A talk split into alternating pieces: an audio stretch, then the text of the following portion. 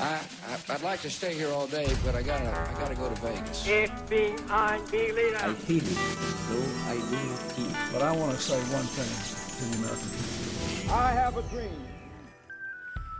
Hei og velkommen til nok en spennende Globus-sending her på Radio Revolt. Eh, Det er en litt spesiell dag i dag. Eh, Jeg og Anders er lykkelige. Ja, eller ikke lykkelig, mer, mer, mer engasjert, vil jeg si akkurat nå. Fryktelig fryktelig engasjert med det Um, som eh, foregår eh, nede i Kairo eh, akkurat nå. Ja. Tema for dagens sending er kanskje dessverre ikke Egypt akkurat i dag, men vi kommer garantert til å komme inn på det. Tema i øya. Du hører på Globus, Radio Volt. Yes.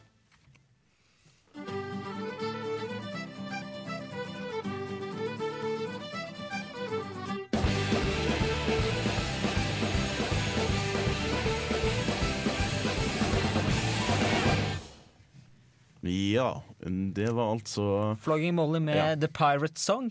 The Pirate Song. The Pirate Song. Ja. Passende til temaet i dag, som, eh, som du sa, Anders, det er øyer. Det er øya, og pluss at det der også litt sånn, snakker litt om anarki og sånne ting. Så det passer også til det som skjer ellers i eh, bildet nå, rett og slett. Ja, ja eh, man, vi skal jo prøve å få litt oppdateringer, kan vi si, av det som foregår i, eh, i Egypt, da. For de siste bildene som, som vi to så, Anders, nå mm. fra Kairo, var at eh, demonstrantene rett og slett brøyt seg over barrikader. Og det er, det er to, to faksjoner Ja. eh, som nå er ute i gatene i Kairo. En mm. som, som er imot Mubarak og ønsker at han skal gå eh, øyeblikkelig. Ja. Og en som eh, i utgangspunktet prøver å støtte ham. Mm. Eh, det vi ser her nå, det er altså, altså nå har det, det var gjennom, De brøt seg gjennom barrikadene. Nå har de tilsynelatende blitt slått tilbake igjen. Da. Barrikadene er jo da bestående av tre uh, militærkjøretøy, som da blir brukt som en slags sånn stopper der folk prøver å uh, holde seg litt i dekning og sånne ting. da. Nei, nei, det er sånn at Dessverre så har ikke vi her i Globus vår egen utenrikstjeneste, så vi sitter og ser på VG for øyeblikket. Ja. Eh, og det er altså det er i hovedsak snakk om fire eh, innganger til en, en eh, Det er En den markedsplass. Og så er det noen springende mot barrikadene. Det er de som kommer eh, i hvert fall sånn kameravinklene, er, så er det den som kommer sørfra. Ja. Da, ja. Vi skal iallfall ja. i alle fall komme mer inn på dette utover i sendingen. Kanskje egentlig ganske tidlig i sendinga, for dette, det vi skal få nå, eh, det er Globus, Globus sine utenriksnyheter. Eh, her eh, fra oss, noe av det er kanskje litt utdatert, eh, sånn eh, når du tenker på hvor fort, eh, fort utvikler seg i Kairo. Men eh, du får, du får det iallfall her. Uten, utenriksnyheter. Israel uttrykker bekymring over demonstrasjonene som foregår i Egypt. Den israelske statsministeren Benjamin Netanyahu uttalte mandag at Israel frykter utviklingen av et radikalt islamistisk styresett dersom Egypts president Mubarak blir tvunget til å gå av. Egypt og Israel har utkjempet en rekke kriger mot hverandre tidligere, men de siste tre tiårene så har Mubaraks Egypt vært det nærmeste en arabisk venn Israel har hatt i regionen. Det fryktes fra israelsk side at om Mubarak nå blir tvunget til å gå av, så vil den politiske organisasjonen Det muslimske broderskapet ta over makten i Egypt. Broderskapet har tidligere gitt sin støtte til Hamas, og er det største og best organiserte opposisjonspartiet i Egypt. En forandring i Egypts styreform vil kunne føre til at Israel vil måtte revurdere hele sin militære strategi i forhold til Egypt. Demonstrantene i Egypt har i dag avvist en tale fra president Mubarak. Mubarak lover i talen at han ikke kommer til å søke gjenvalg i september. Presidenten har styrt Egypt de siste 30 årene og blir betegnet som en sterk alliert av Vesten. Talen som ble holdt på tirsdag kommer som en respons på de store demonstrasjonene som har blusset opp i Egypt de siste ukene. Og det blir hevdet fra demonstrantenes side at så mange som én million egyptere møtte opp i Kairos gater natt til i dag. Demonstrantene har tidligere stoppet et forsøk fra politiet på å stanse dem, og den egyptiske hærledelsen uttalte mandag at hæren ikke under noen omstendigheter vil bruke makt mot demonstrantene. Siden demonstrasjonene begynte, har mer enn 300 mennesker mistet livet i Egypt. Irland har utvist en russisk diplomat etter at det ble kjent at Russland har forfalsket irske pass til bruk i spionasje. Det irske utenriksdepartementet uttaler at seks russiske spioner som tidligere har blitt oppdaget i USA, brukte irske pass, og at dette er fullstendig uakseptabelt. Departementet sier videre at dette ikke er oppførsel som de hadde forventet fra et land Irland har gode forbindelser med. Hele hendelsen er en del av spionsaken som ble rullet opp i USA sist juni, hvor ti russiske spioner ble arrestert av FBI. CCTV, den statlige kinesiske TV-kanalen, har kommet under kritikk etter at de angivelig skal ha brukt et klipp fra den amerikanske filmen Top Gun i et innslag om det kinesiske flyvåpenets fortreffelighet. Innslaget, innslaget som det dreier seg om, besto av intervjuer av kinesiske offiserer som fortalte om at alle mål ble truffet under en kinesisk luftvåpenøvelse sist uke. Kina har de siste årene fokusert på en modernisering og opprustning av det kinesiske militæret. Og et ledd i dette arbeidet er en kraftig modernisering av den kinesiske luftflåten, med bl.a. nye stealth-jagerfly som skal være klare i 2017. Disse skal kunne utfordre den amerikanske F-22 Raptor. På tross av denne moderniseringen ser det ut som kineserne fortsatt har en vei å gå før de klarer å skyte ned noe som helst uten hjelp fra Hollywood.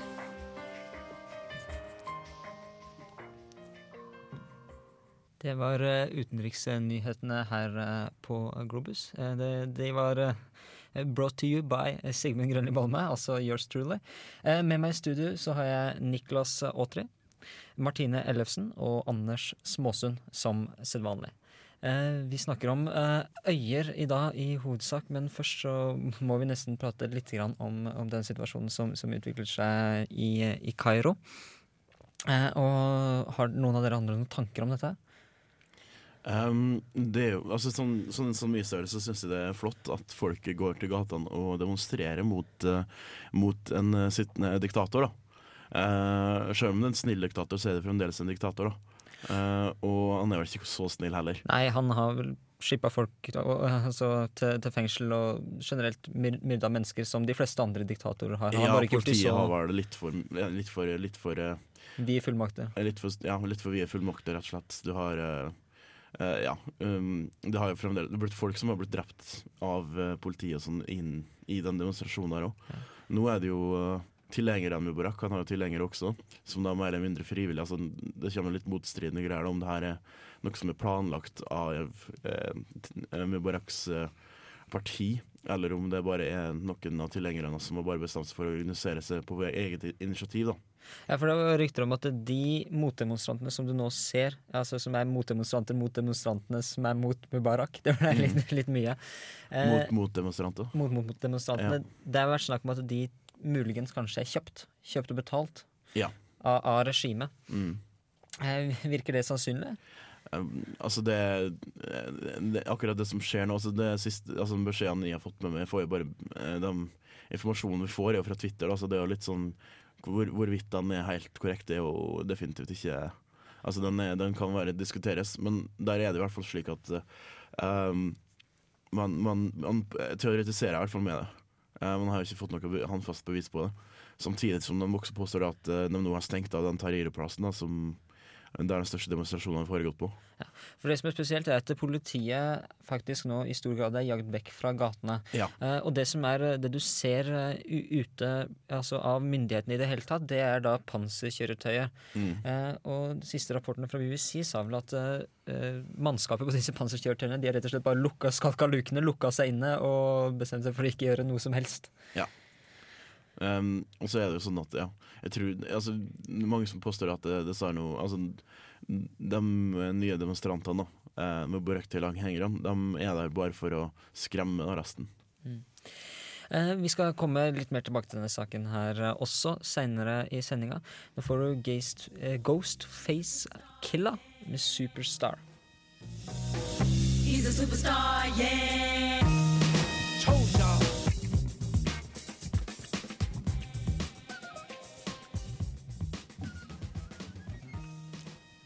Yes, vi er tilbake her eh, med Globus. Eh, hvis du har eh, noen tanker eller noen ideer eller kommentarer til, til det som nå skjer eh, i, i Kairo, altså i Egypt eh, Eller bare generelt sett. Også generelt, Mm. eh, så kan du sende oss en mail. Eh, hva er adressa, Anders? Globus, krøllalfa, radiorevolt.no. Yes. Så bare send oss en mail der hvis du har noen kommentarer.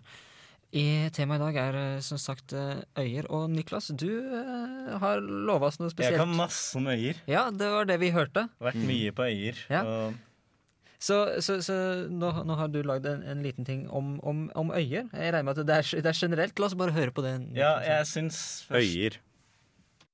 Øyer i Gudbrandsdalen er en kommune i Oppland. Den grenser i nord til Ringebu, i øst til Stor-Elvdal, i sør til Ringsaker og Lillehammer og i vest til Gausdal. Kommunen har et totalareal på 640 kvadratkilometer, hvorav ca. 20 kvadratkilometer er vann, og et innbyggertall på litt over 5000. Øyer har tradisjonelt vært en jord- og skogbrukskommune.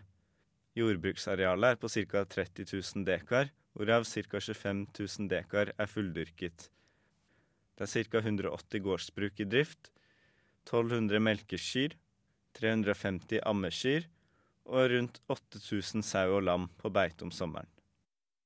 Kommunen tilbyr mange aktiviteter og attraksjoner for både lokalbefolkningen og tilreisende.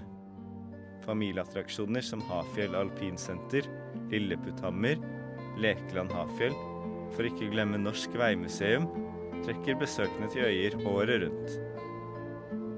Så ta deg en tur. Øyer.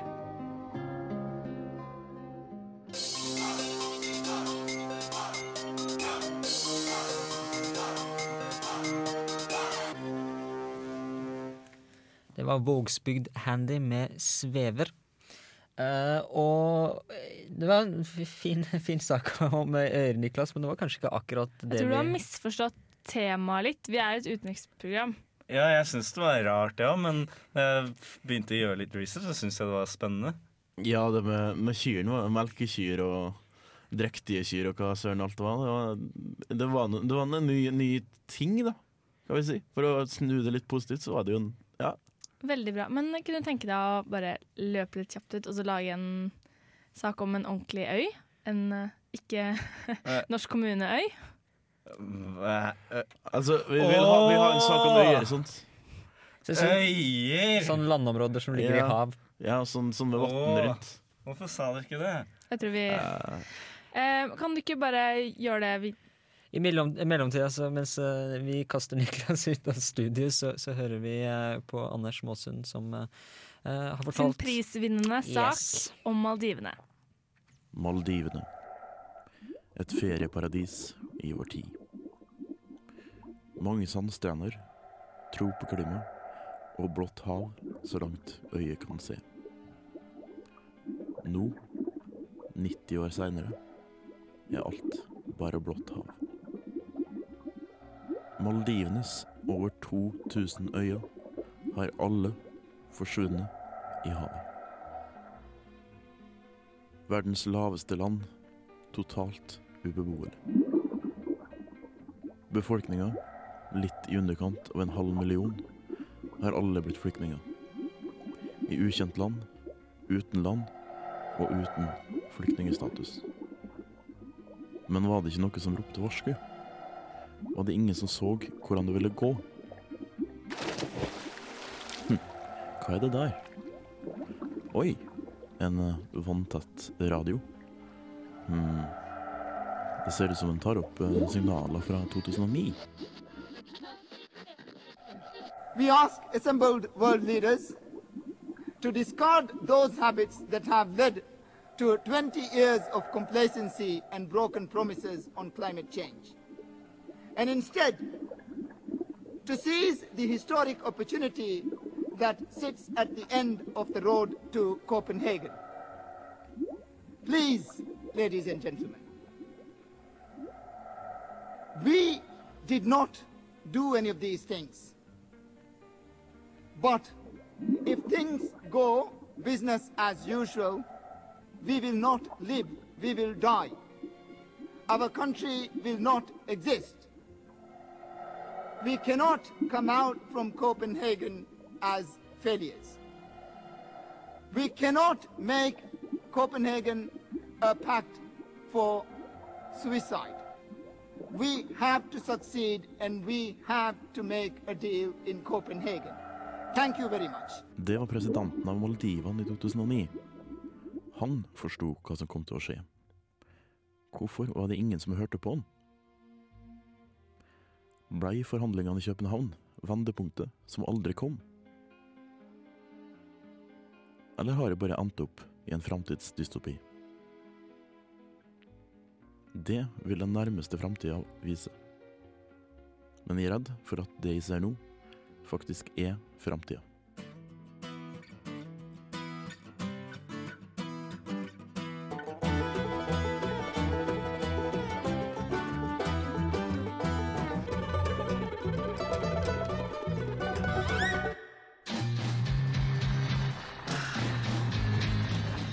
Kjære tilhørere, kjære kamerater.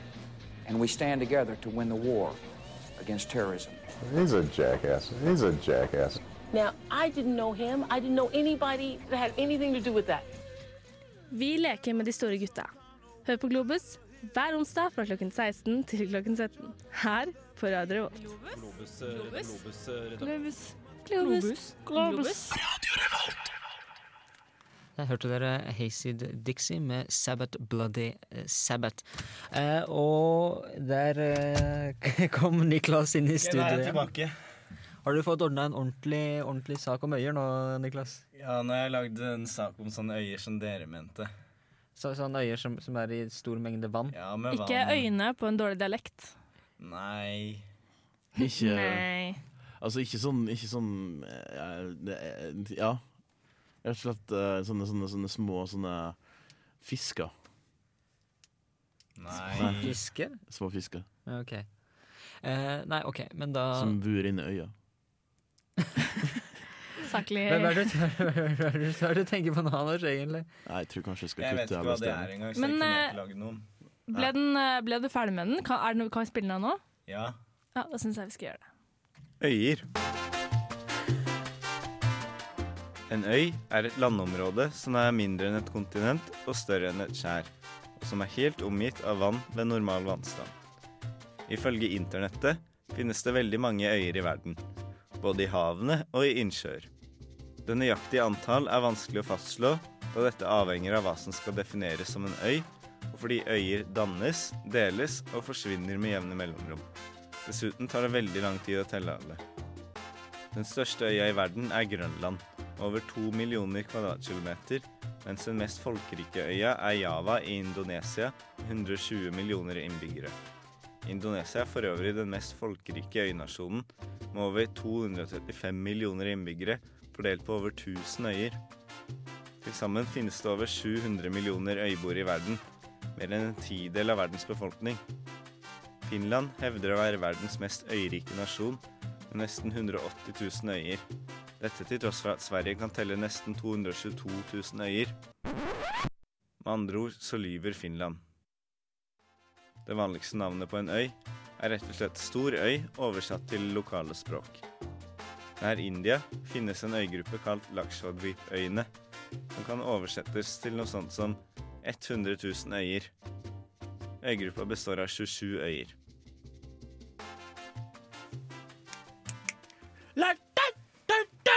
Jeg håper dere er fornøyd nå. Kjempefint, Niklas. Du ble ganske inspirert. Nå Mhm. tror jeg nesten vi tar oss en tur til Hawaii snart. Ja, ja, ja, jeg tenkte mer på sånn uh, Vest-India eller et eller annet sånt. Altså. Vest-India. Mm. Det har vært veldig, veldig behagelig.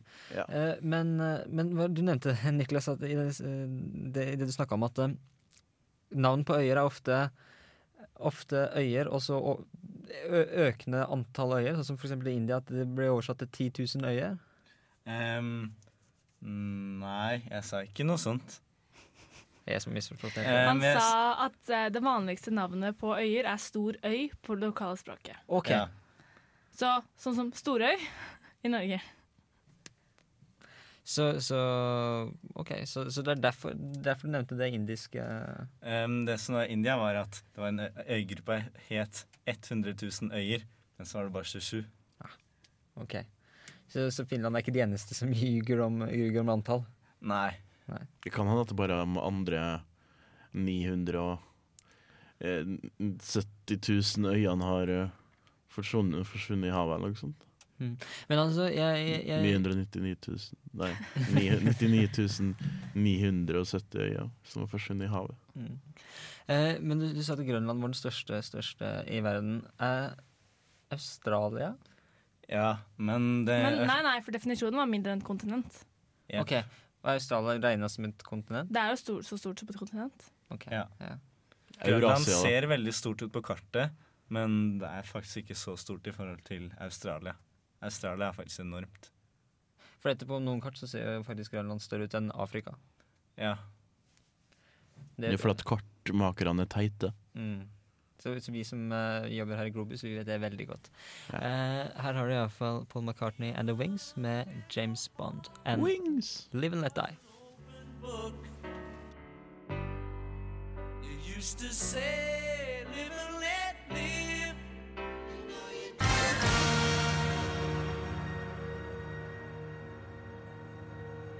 Radio Revolt. Live and let die der. Eh, vi har om øyer på Globus eh, her i dag, og i den eh, anledning så har Martine tatt og tatt for seg noen av de mest berømte øyene eh, som eksisterer. Eh, så her har du Martine Ellefsen.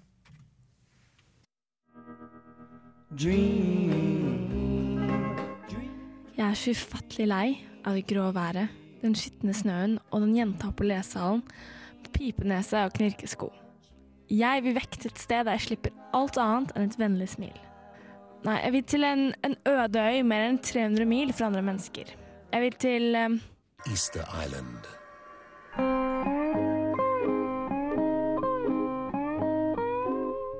Påskeøya er en øy som er preget av myter, sagn, kolonisters herjinger og Heyerdahl-fans. Den blir av lokalbefolkningen kalt Rapa Nui, som betyr verdens navle. Noe som virker logisk dersom du bor på en øy omgitt av intet annet enn uendelig hav. Med sine 2000 innbyggere er Påskeøya verdens mest avsideliggende bebodde sted.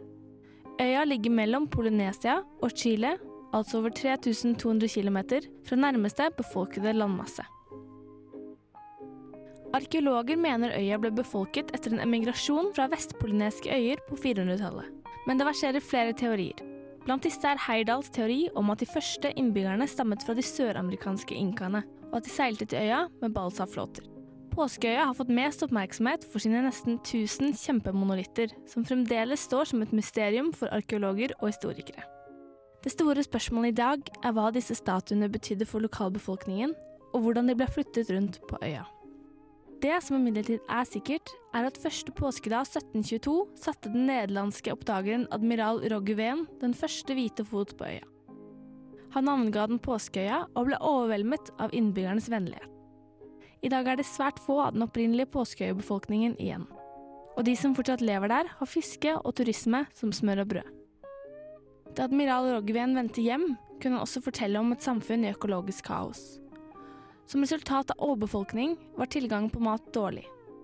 Øya er kun 171 kvadratmeter stor, og arkeologer regner med at det bodde ca. 10 000 mennesker der på det meste.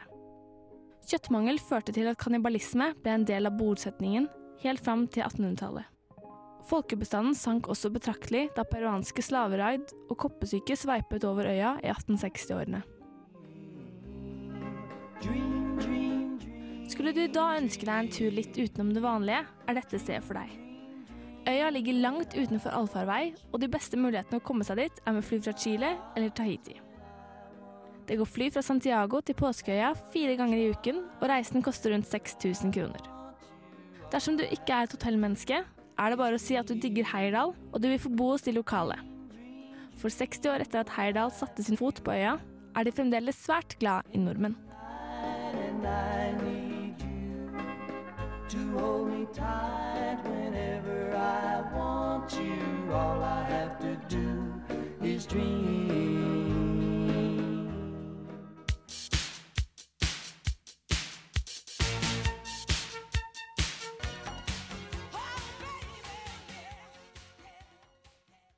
Hoppe. Yes, og vi er tilbake her på Globus, og nå ser det ut som det, det skjer ting eh, i Egypt. Fordi eh, de siste rapportene som har kommet inn, er at eh, disse eh, demonstrantene som støtter Mubarak, de har begynt å lage våpen. Ja, de har visstnok drept eh, et antall mennesker på Tahrir-plassen i, eh, i Egypt. Ja, for det har vært, øh, vært også snakk om at det har vært flere Brenner det? Nei, det var bare gatelykter. Mm. Det har vært snakk om, vært snakk om at folk har har, øh, har øh, hørt skudd, og det viser seg at det er øh, altså noen demonstranter som har med seg skytevåpen har skutt øh, inn i, i folkemengden øh, Ja. på, på denne plassen, altså i Kairo. Um, det, er det begynner å bli mørkt der også, sånn som det her, faktisk. Uh, og akkurat nå så, ja, så ser det ut som om at det, det fremdeles er, er, er slåssing og voldsbruk da, på Tahrir. Eh, Men Niklas, du, du hadde en idé på hvordan de kunne løse hele greiene? Ja, det var før det begynte å komme folk som faktisk likte Mubarak, da. Eller vi vet jo fortsatt ikke hva statusen deres er. Men jeg tenkte jo at han er jo ingenting uten folk som halvveis støtter han, eller minst det tar det for gitt at han er der. Så jeg tenkte Jeg lurer på hvorfor de ikke bare går rett inn på regjeringskontorene og får noen andre til å jobbe der. Så, så, så, ja, for han Mubarak vel, har vel kommet seg ut av Kairo nå, så det, det du rett og slett foreslår, er at de, de, de velger noen, og så sier de, sier de at eh, vær så god, gå inn, gå, gå inn i kontorene, og så bare sett i gang og jobb. Ja. For da har de vel for så vidt eh, i utgangspunktet fått, um, fått, fått statusen, da. Men, men det, er- det er vel enkelte problemer, problemer med det her, og særlig nå som du nevner etter at det faktisk er kommet folk som, som, som støtter Mubarak. Så kan det bli Ja, jeg vanskelig. antok jo at det var en grunn til at de ikke allerede har gjort det, Ja. men jeg, ser, jeg vet ikke hva det er. Ja. Eh, og det er, det er eh, sånn som det ser ut, det som er kanskje mest overraskende, er at hæren ikke har, har gjort noe som helst eh, ennå. Og eh, rapportene som vi, vi så på BBC nylig, er at eh, soldaten de, de velger å holde seg helt unna etter at hæren kom ut med, med beskjed og lova at de skulle de skulle, Jeg skulle ikke under noen omstendigheter bruke makt mot demonstrantene. Eh, Så ser det ut som, som de soldatene som nå er i eh, gatene, de er ikke trent til det her, og de vet ikke hva de skal gjøre, så de rett og slett bare låser seg inn i, i panservognene sine. Hvem er det som egentlig trener for, en, eh, for å slåss mot eh, egne landsfolk i en eh, opprørssituasjon på den måten der? Det er jo til tross for at det er et, det at, eh, Til tross for at det er snakk om et diktatur her nå, så er det likevel en plass som har vært eh, veldig fredelig. Det er en av de største turistplassene langs altså Middelhavet. Det er et av de mest stabile landene i Midtøsten. Man trener kanskje ikke for, å, for, et, for en eventuell opprør blant sine egne. Nei, nå, nå ser det ut som politiet har trekket seg, trekket seg helt ut. Det var snakk noe tidligere om at politiet prøvde å gjenerobre noen politistasjoner som de hadde mista. Men, men der demonstrasjonene er størst, så er, det- er det ingen politifolk å se, rett og slett fordi de ble jagd, jagd vekk av, av sinte demonstranter. Samtidig så var det jo slik at de tidligere i uka i hvert fall eh, de, de hadde jo eh, laga borgervern sjøl, for eksempel da, for å passe på eh, det egyptiske museet. Passe på eh, altså, sine egne skatter før militæret kunne komme og, kunne komme og eh, ta vare på. Så var det jo folk som da var der og passa på. Eh, så viser jo det at det, det selv om det nå er anarki og det er kaos, så er innbyggerne i Kairo såpass opptatt av, av sine nasjonalskatter at de faktisk eh, eh, bruker sin egen tid da, på å passe på at eh, folk ikke plyndrer dem helt sønder og sammen. Det er litt det er litt ålreit å tenke på. Uh, her uh, har du iallfall 'Rest of My Life' med låta 'Like Socks From A Dryer'. Her på Radio Revolt. Du hører på Globus. En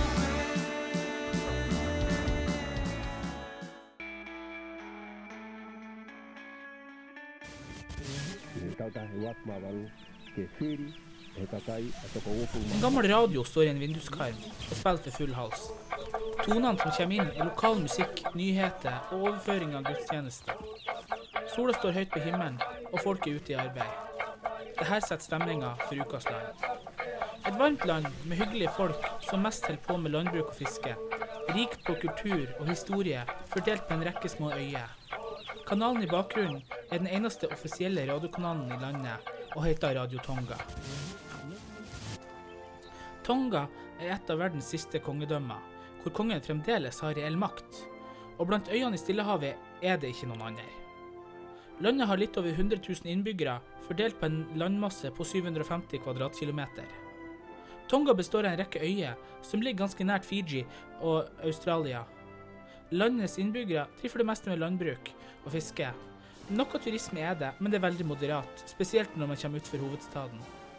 Landets største by, som også er hovedstad, Nuku Alofa, har 35 000 innbyggere.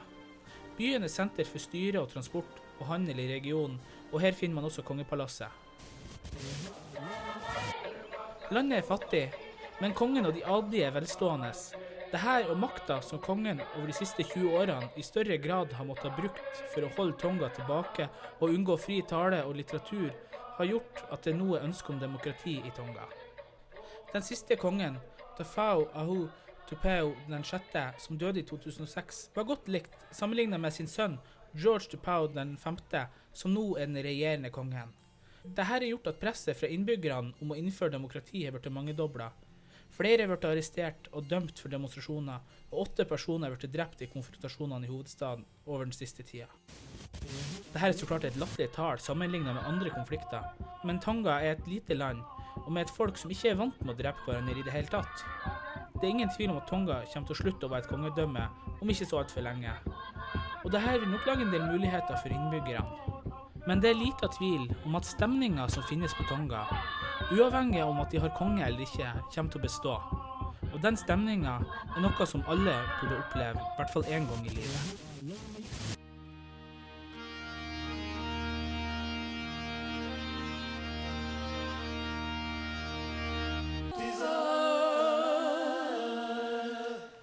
Anna Calvi med låta 'Desire', der eh, du hører på Globus, eh, iallfall inntil videre her på Radio Revolt. Vi begynner å nærme oss eh, slutten. Det ser nesten litt, litt ut som demonstrasjonene i Kairo gjør. og Det begynner å tømme seg, Anders? Mm, Det begynner å bli mørkt der nå. Det er grenser for hvor mye du kan gjøre. Pluss at når folk blir skutt, så begynner folk å Jeg tror de fleste vil Altså innser alvoret og prøver å komme seg vekk derfra og hjem og i trygghet. Kjenner at jeg iallfall hadde blitt litt skeptisk. Det er ikke, det er ikke så ålreit. Men, men eh, nå, det blir antageligvis en forandring i Egypt, om ikke i løpet av de neste ukene, i løpet av eh, de neste månedene. Den spådommen tror jeg vi kan komme fram eh, med her i Globus. Eh, I studio i dag så har vi hatt eh, Niklas Aatre. Ha det. Og Anders Måsund.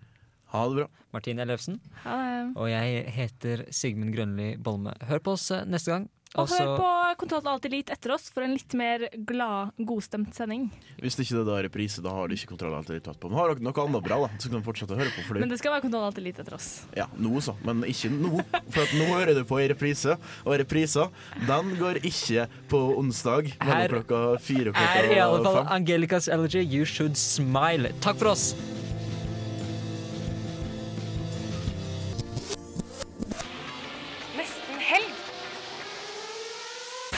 On Revolt Radio. Tom Erik, når kan jeg høre Nesten Helg? Du, det skal jeg fortelle deg, Olav. Det kan du høre hver fredag fra 3 til 5 på Radio Revolt.